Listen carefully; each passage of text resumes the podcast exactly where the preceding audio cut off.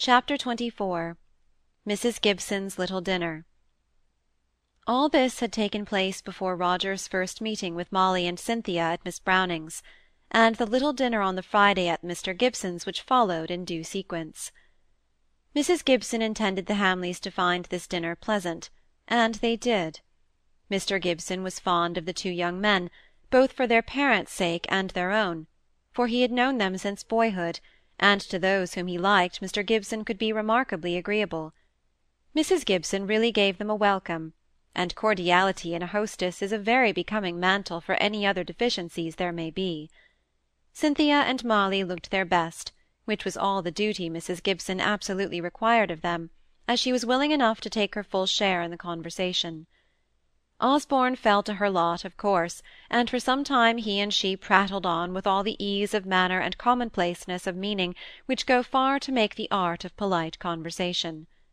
Roger, who ought to have made himself agreeable to one or the other of the young ladies, was exceedingly interested in what Mr. Gibson was telling him of a paper on comparative osteology in some foreign journal of science, which Lord Hollingford was in the habit of forwarding to his friend the country surgeon. Yet every now and then, while he listened, he caught his attention wandering to the face of Cynthia, who was placed between his brother and Mr. Gibson. She was not particularly occupied with attending to anything that was going on. Her eyelids were carelessly dropped, as she crumbled her bread on the tablecloth, and her beautiful long eyelashes were seen on the clear tint of her oval cheek. She was thinking of something else. Molly was trying to understand with all her might.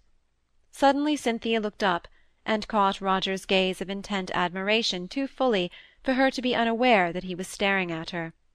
She coloured a little, but after the first moment of rosy confusion at his evident admiration of her, she flew to the attack, diverting his confusion at thus being caught to the defence of himself from her accusation. "It is quite true," she said to him. "I was not attending. You see I don't even know the ABC of science. But please don't look so severely at me, even if I am a dunce." "I didn't know, I didn't mean to look severely, I am sure," replied he, not knowing well what to say. "Cynthia is not a dunce either," said Mrs. Gibson afraid lest her daughter's opinion of herself might be taken seriously. But I have always observed that some people have a talent for one thing and some for another. Now Cynthia's talents are not for science and the severer studies. Do you remember, love, what trouble I had to teach you the use of the globes? Yes, and I don't know longitude from latitude now, and I'm always puzzled as to which is perpendicular and which is horizontal.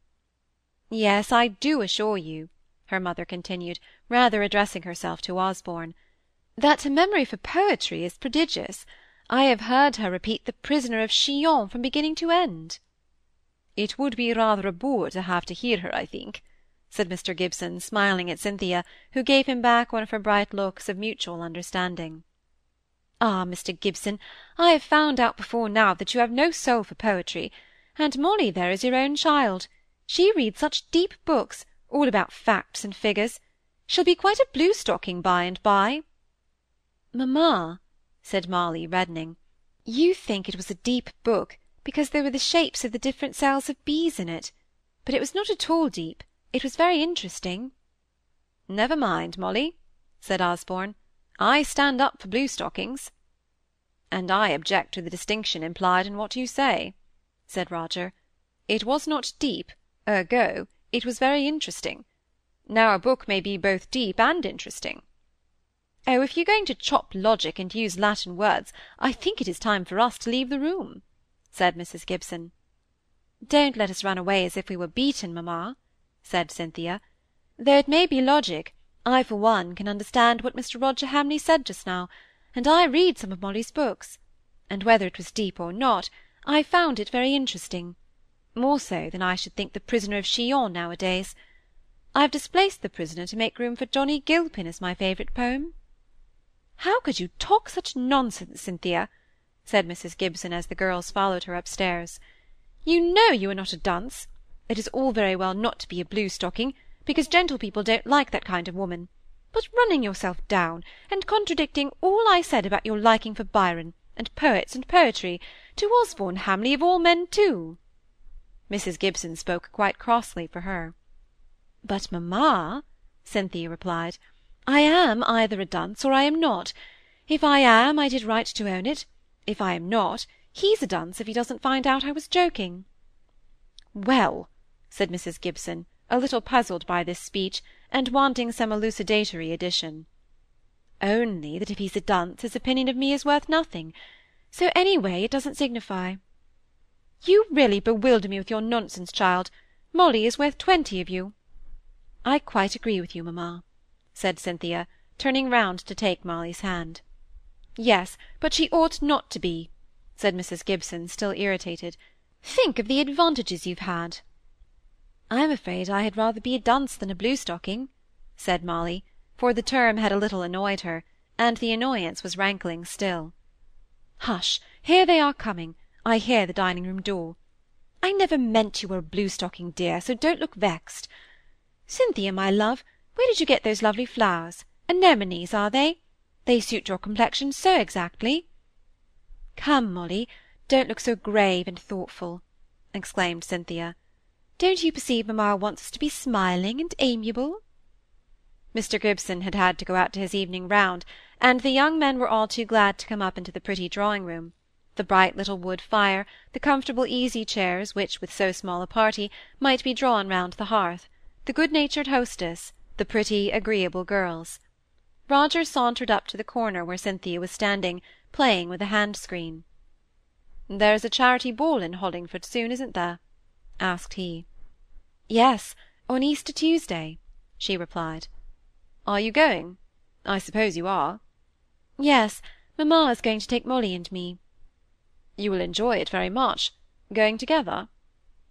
For the first time during this little conversation she glanced up at him, real honest pleasure shining out of her eyes. Yes, going together will make the enjoyment of the thing. It would be dull without her. You are great friends, then? He asked. I never thought I should like any one so much. Any girl, I mean. She put in the final reservation in all simplicity of heart, and in all simplicity did he understand it.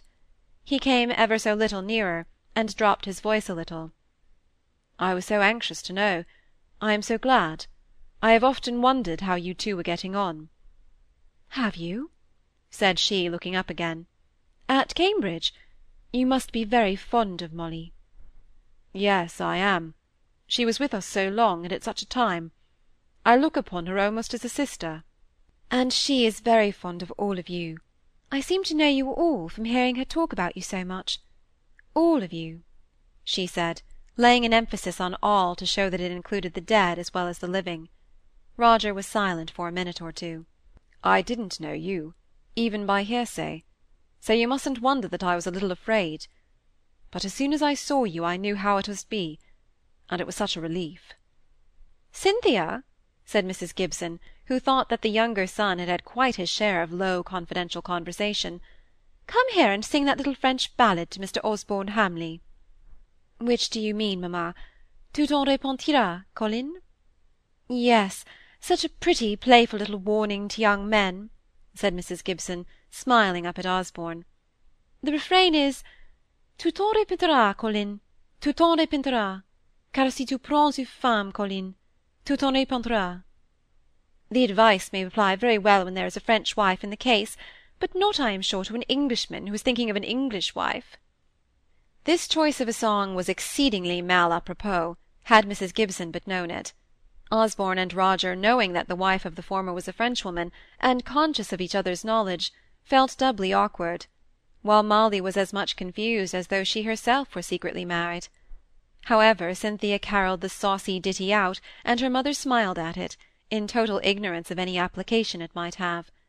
Osborne had instinctively gone to stand behind Cynthia as she sat at the piano, so as to be ready to turn over the leaves of her music if she required it. He kept his hands in his pockets, and his eyes fixed on her fingers, his countenance clouded with gravity at all the merry quips which she so playfully sang. Roger looked grave as well, but was much more at his ease than his brother. Indeed, he was half amused by the awkwardness of the situation. He caught Molly's troubled eyes and heightened colour, and he saw that she was feeling this contretemps more seriously than she needed to do. He moved to a seat by her, and half whispered, "Too late a warning, is it not?" Molly looked up at him as he leant towards her, and replied in the same tone, "Oh, I am so sorry." "You need not be. He won't mind it long; and a man must take the consequences when he puts himself in a false position." Molly could not tell what to reply to this, so she hung her head and kept silence. Yet she could see that Roger did not change his attitude, or remove his hand from the back of his chair; and, impelled by curiosity to find out the cause of his stillness, she looked up at him at length, and saw his gaze fixed on the two who were near the piano. Osborne was saying something eagerly to Cynthia, whose grave eyes were upturned to him with soft intentness of expression, and her pretty mouth half open, with a sort of impatience for him to cease speaking, that she might reply. "They are talking about France," said Roger, in answer to Molly's unspoken question. "Osborne knows it well, and Miss Kirkpatrick has been at school there, you know. It sounds very interesting. Shall we go nearer and hear what they are saying?" It was all very well to ask this civilly, but Molly thought it would have been better to wait for her answer. Instead of waiting, however, Roger went to the piano, and, leaning on it, appeared to join in the light merry talk, while he feasted his eyes as much as he dared by looking at Cynthia. Molly suddenly felt as if she could scarcely keep from crying. A minute ago he had been so near to her, and talking so pleasantly and confidentially, and now he almost seemed as if he had forgotten her existence. She thought that all this was wrong, and she exaggerated its wrongness to herself. Mean, and envious of Cynthia, and ill-natured, and selfish, were the terms she kept applying to herself, but it did no good she was just as naughty at the last as at the first. Mrs. Gibson broke into the state of things which Molly thought was to endure for ever. Her work had been intricate up to this time, and had required a great deal of counting, so she had had no time to attend to her duties, one of which she always took to be to show herself to the world as an impartial stepmother. Cynthia had played and sung, and now she must give Molly her turn of exhibition. Cynthia's singing and playing was light and graceful, but anything but correct, but she herself was so charming that it was only fanatics for music who cared for false chords and omitted notes. Molly, on the contrary, had an excellent ear, if she had ever been well taught, and both from inclination and conscientious perseverance of disposition, she would go over an incorrect passage for twenty times. But she was very shy of playing in company, and when forced to do it, she went through her performance heavily, and hated her handiwork more than any one. "Now you must play a little, Molly," said Mrs. Gibson. "Play us that beautiful piece of Kalkbrenner's, my dear." Molly looked up at her stepmother with beseeching eyes, but it only brought out another form of request, still more like a command. "Go at once, my dear. You may not play it quite rightly, and I know you are very nervous, but you're quite amongst friends." So there was a disturbance made in the little group at the piano, and Molly sat down to her martyrdom. "Please go away," said she to Osborne, who was standing behind her, ready to turn over. "I can quite well do it for myself, and oh, if you would but talk!" Osborne remained where he was, in spite of her appeal, and gave her what little approval she got; for Mrs. Gibson, exhausted by her previous labour of counting her stitches, fell asleep in her comfortable sofa-corner near the fire; and Roger, who began at first to talk a little in compliance with Molly's request, found his conversation with Cynthia so agreeable that Molly lost her place several times in trying to catch a sudden glimpse of Cynthia sitting at her work, and Roger by her, intent on catching her low replies to what he was saying. "There now, I've done," said Molly, standing up quickly as soon as she had finished the eighteen dreary pages, "and I think I will never sit down to play again." Osborne laughed at her vehemence. Cynthia began to take some part in what was being said, and thus made the conversation general. Mrs. Gibson wakened up gracefully, as was her way of doing all things, and slid into the subjects they were talking about so easily that she almost succeeded in making them believe she had never been asleep at all.